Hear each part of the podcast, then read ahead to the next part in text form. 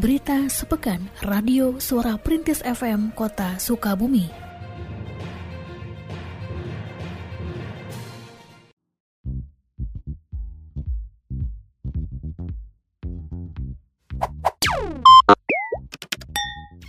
Wali Kota Sukabumi Ahmad Fahmi menyematkan dan menyerahkan penghargaan Satya Lancana Karya Satya dari Presiden RI kepada para pegawai negeri sipil PNS yang telah bekerja selama 10, 20, dan 30 tahun dalam upacara peringatan Hari Ulang Tahun Korps Pegawai Republik Indonesia Korpri ke-50 tingkat kota Sukabumi pada hari Senin 29 November 2021 di Balai Kota. Dalam peringatan tersebut, diserahkan pula kadedeh bagi 14 orang PNS di lingkungan pemerintah kota Sukabumi yang akan memasuki masa purna bakti per 1 Desember 2021. Diserahkan pula penghargaan kepada Eni Nurainillah, PNS dari kantor Kementerian Agama Kota Sukabumi yang meraih juara satu kaligrafi dekorasi putri pada MTQ Korpri tingkat nasional. Pada upacara peringatan Hari Ulang Tahun Korpri ke-50 yang dihadiri pula di antaranya oleh Wakil Wali Kota Andri Setiawan Hamami dan Sekretaris Daerah Dida Sembada selaku Ketua Korpri Kota Sukabumi.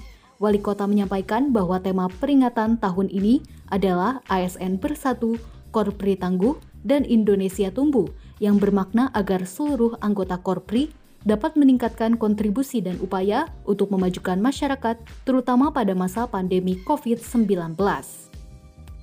Tema peringatan HUT Korpri tahun 2021 ini adalah ASP Bersatu, Korpri Tangguh, dan Indonesia Tumbuh.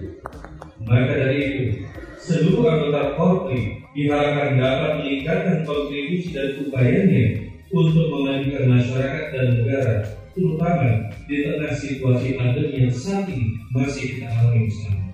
Peringatan Hari Ulang Tahun ke-50 Korpri tahun 2021 bertujuan untuk mengajak anggota Korpri di seluruh Indonesia untuk meningkatkan kinerja, terutama di bidang pelayanan publik, meningkatkan semangat profesionalitas seluruh PNS, memantapkan fungsi organisasi Korpri sebagai perekat pemersatu bangsa, Dinas Pendidikan dan Kebudayaan PDNK Kota Sukabumi menyelenggarakan kegiatan Forum Pemangku Kepentingan Daerah Program Sekolah Penggerak pada hari Selasa 30 November 2021 di SMA Negeri 3 Kota Sukabumi. Kegiatan yang dibuka oleh PLT Kepala Dinas PDNK Kota Sukabumi Cecep Mansur dihadiri pula oleh Lembaga Penjamin Mutu Pendidikan Jawa Barat, Kepala Pusat Pengembangan PAUD, serta Kantor Cabang Dinas Pendidikan Wilayah 5 Dinas Pendidikan Jawa Barat. Kegiatan ini diikuti di antaranya oleh para kepala sekolah penggerak, pengawas, pegiat pendidikan, perwakilan orang tua siswa, dan perwakilan siswa. Saat ini di kota Sukabumi, Program Sekolah Penggerak yang merupakan program Kementerian Pendidikan, Kebudayaan, Riset dan Teknologi dilaksanakan di dua PAUD, empat sekolah dasar, tiga sekolah menengah pertama, dan empat sekolah menengah atas. Program Sekolah Penggerak merupakan sebuah transformasi pendidikan untuk mewujudkan sekolah dengan ekosistem pendidikan yang kondusif, aman, nyaman, dan inklusif serta mewujudkan profil pelajar Pancasila. PLT Kepala Dinas P dan K Kota Sukabumi mengutarakan forum ini bertujuan salah satunya untuk mencari solusi mengatasi berbagai kendala yang ada dalam pelaksanaan program sekolah penggerak. Karena program ini merupakan prioritas nasional yang harus disukseskan oleh semua pihak. Ia mengharapkan sesuai dengan target, ke depannya seluruh sekolah di kota Sukabumi dapat menjadi sekolah penggerak. Harapannya bahwa seluruh ya uh, para kepala sekolah, orang tua, para guru dan dinas ya termasuk pemerintah daerah uh, harus untuk memikirkan program yang dari pusat yang sudah MOU dengan uh, kepala daerah ditandatangani ini supaya berjalan. Uh, tidak mudah program ini kan program baru tahun pertama, angkatan pertama. Jadi ada beberapa harus mencari solusi terbaik untuk tercapainya program sekolah penggerak ini itu harapannya jadi eh, forum kepentingan hadir diskusi pada hari ini adalah untuk mencari solusi yang terbaik eh, bagaimana program sekolah penggerak di kota Sukabumi ini sesuai dengan harapan pemerintah pusat dan juga harapan dari pemerintah daerah. Pemerintah Kota Sukabumi akan segera membuka mall pelayanan publik di lantai 3 Tiara Toserba. Hal tersebut terungkap dalam rapat koordinasi yang dipimpin oleh Sekretaris Daerah Dida Sembada pada hari Selasa 30 November 2021 di Balai Kota. Dalam rakor yang dihadiri oleh perwakilan dari berbagai perangkat daerah, pihak Dinas Penanaman Modal, Pelayanan Terpadu Satu Pintu Kota Sukabumi, selaku Koordinator Mall Pelayanan Publik menjelaskan saat ini pada akhir bulan November dan memasuki minggu pertama bulan Desember 2021 masih dilakukan beberapa penataan tempat. Sedangkan soft launching mall pelayanan publik direncanakan dilakukan pada minggu kedua bulan Desember.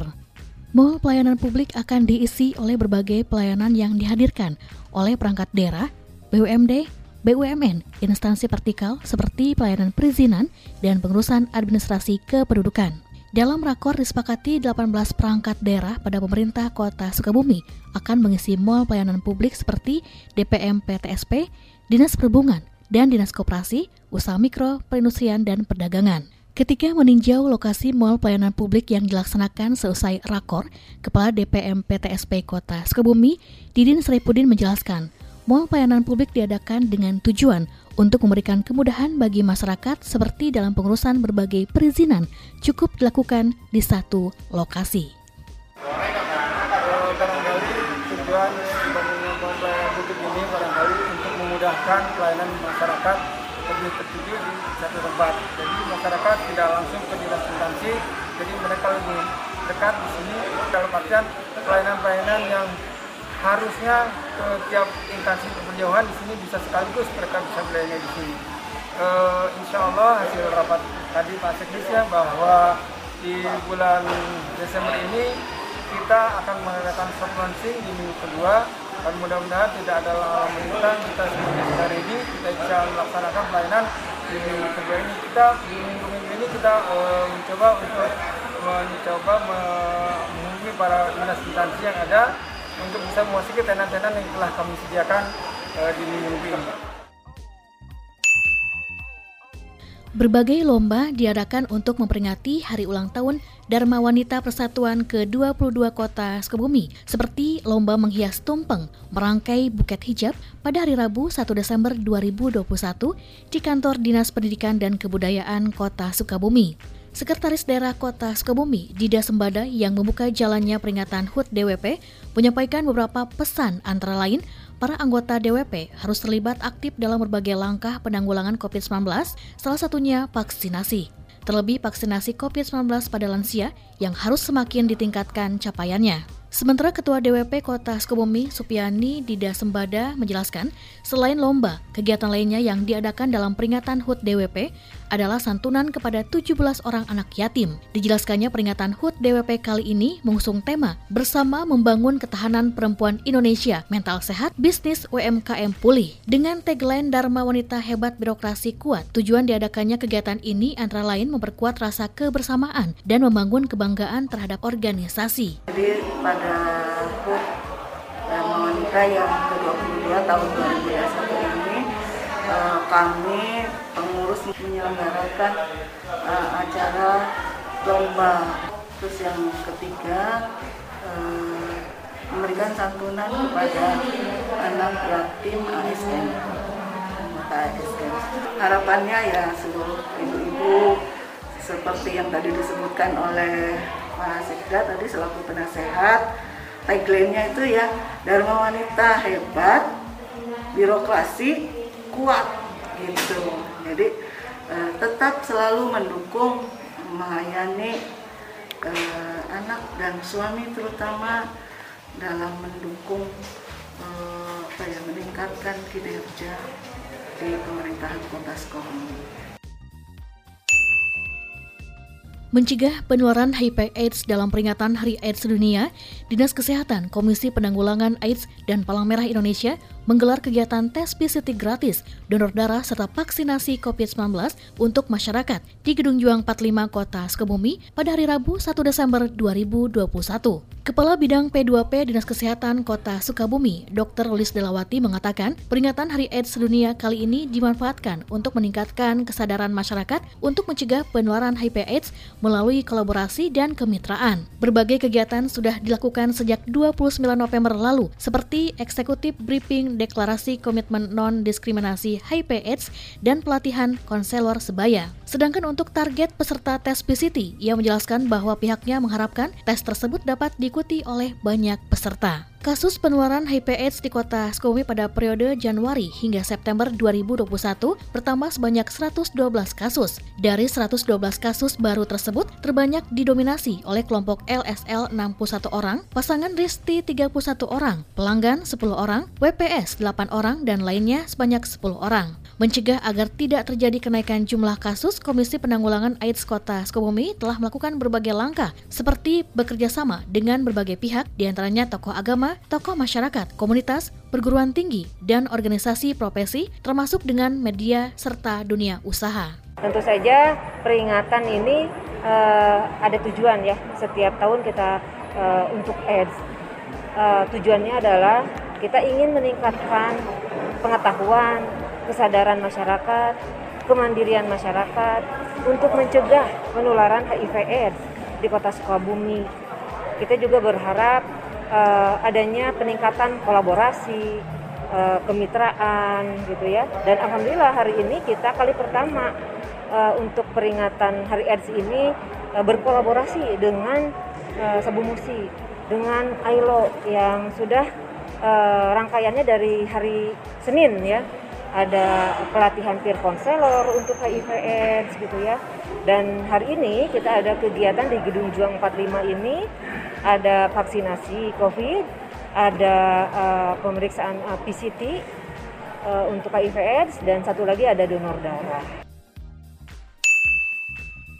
Badan Kesatuan Bangsa dan Politik Bakes Bangpol Kota Sukabumi bersama Forum Kewaspadaan Dini Masyarakat FKDM Kota Sukabumi menyelenggarakan kegiatan diskusi panel pada hari Kamis 2 Desember 2021 bertepat di Hotel Taman Sari Kota Sukabumi dengan mengusung tema Bela Negara untuk Semua.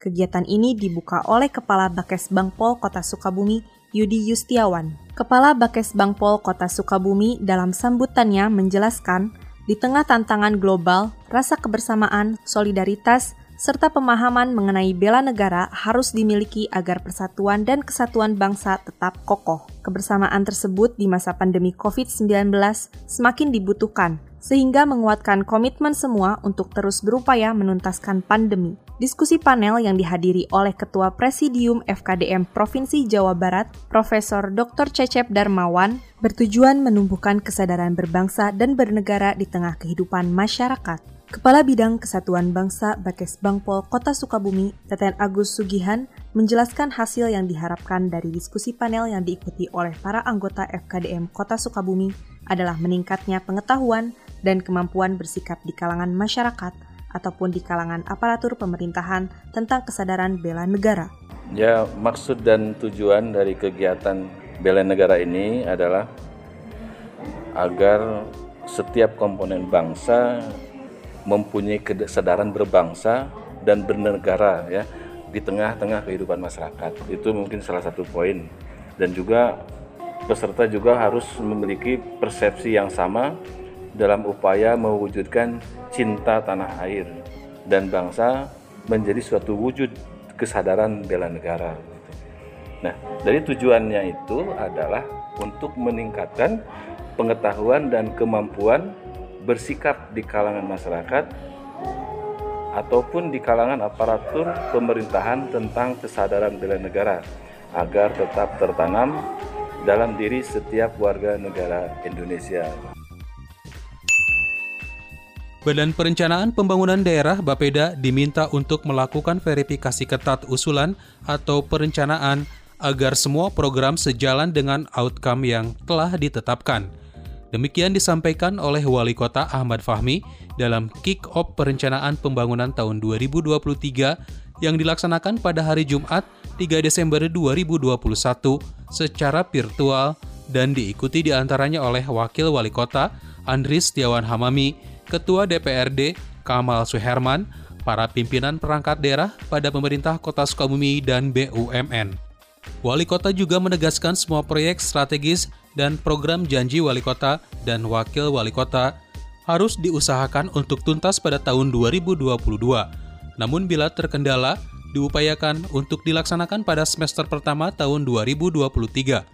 Dijelaskan lebih jauh, perencanaan pembangunan pada tahun 2023 difokuskan pada peningkatan kualitas kehidupan masyarakat dalam berbagai sektor agar mewujudkan masyarakat yang unggul dan sejahtera. Terdapat 10 rencana proyek strategis pada tahun 2023, yaitu pengembangan kawasan wisata Cikundul, pembangunan kawasan Sungai Cipelang, pembangunan sarana penerangan jalan umum PJU, serta fasilitasi Repus Derivative Fuel RDF, persampahan, dan peningkatan kualitas sumber air baku. Selanjutnya adalah pemulihan ekonomi pasca pandemi COVID-19, penguatan kualitas kehidupan sosial, perbaikan rumah tidak layak huni, pengembangan kawasan bisnis X Terminal Sudirman, dan penanganan kawasan kumuh. Jadi penanganan kawasan kumuh ini ada yang berbasiskan kawasan, ada juga yang berbasiskan lingkungan. Itulah sebabnya salah satu yang saya pesankan kepada Bapeda, kepada PU, bagaimana kita melakukan regulasi program kotaku dalam kerangka percepatan penanganan kawasan pembangunan kawasan Sungai Cipelang. Nah, ini menjadi salah satu prioritas uh, proyek strategis kita. Setelah juga hari ini kita uh, Cipelang-Cipelang tersebut ya sudah mendapat dukungan dari pemerintah pusat, tapi kelanjutannya tetap harus kita laksanakan. Yang lainnya yang menjadi proyek strategis tahun 2023 adalah kawasan wisata Cikundul. Saya sendiri berharap mudah-mudahan kita juga bisa menggandeng investor. Nah, jadi kawasan wisata Cikundul ini Pak Ketua DPRD, Pak Wakil, kalau ada investornya, ini kita berharap di tahun 2022 bisa dilaksanakan. Mencapai kualitas kehidupan masyarakat yang unggul dan sejahtera menjadi tema pembangunan musyawarah perencanaan pembangunan Musrenbang Kelurahan Sindang Palai untuk perencanaan pembangunan tahun 2023 yang digelar pada hari Kamis 2 Desember 2021. Lurah Sindang Palai Eman mengatakan bahwa dalam musrenbang tersebut masyarakat telah mengusulkan beberapa pembangunan, salah satunya pembangunan Jalan Cibuntu yang mencapai panjang 840 meter. Semua usulan tersebut akan diajukan pada musrenbang tingkat kecamatan. Sedangkan dari perencanaan pembangunan sebelumnya pada tahun 2020 hingga 2021, beberapa usulan masyarakat berhasil direalisasikan seperti rehabilitasi MCK, masjid, pembangunan serta pengaspalan jalan, pembangunan sport center, rehabilitasi rumah tidak layak huni, rehabilitasi drainase, serta pembangunan septic tank. Pada kesempatan tersebut dijelaskan pula untuk pembangunan melalui program pemberdayaan rukun warga P2RW tahun 2021 telah rampung dilaksanakan.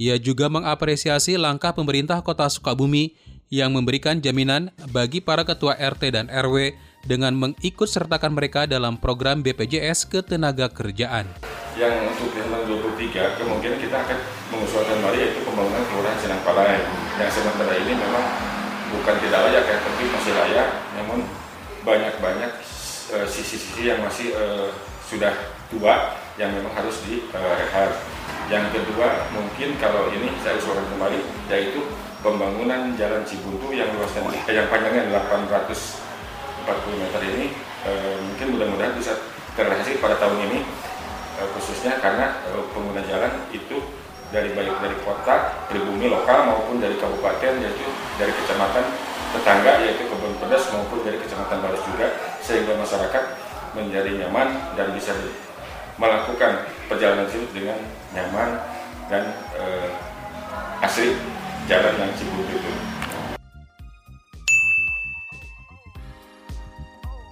Berita Sepekan Radio Suara Perintis FM Kota Sukabumi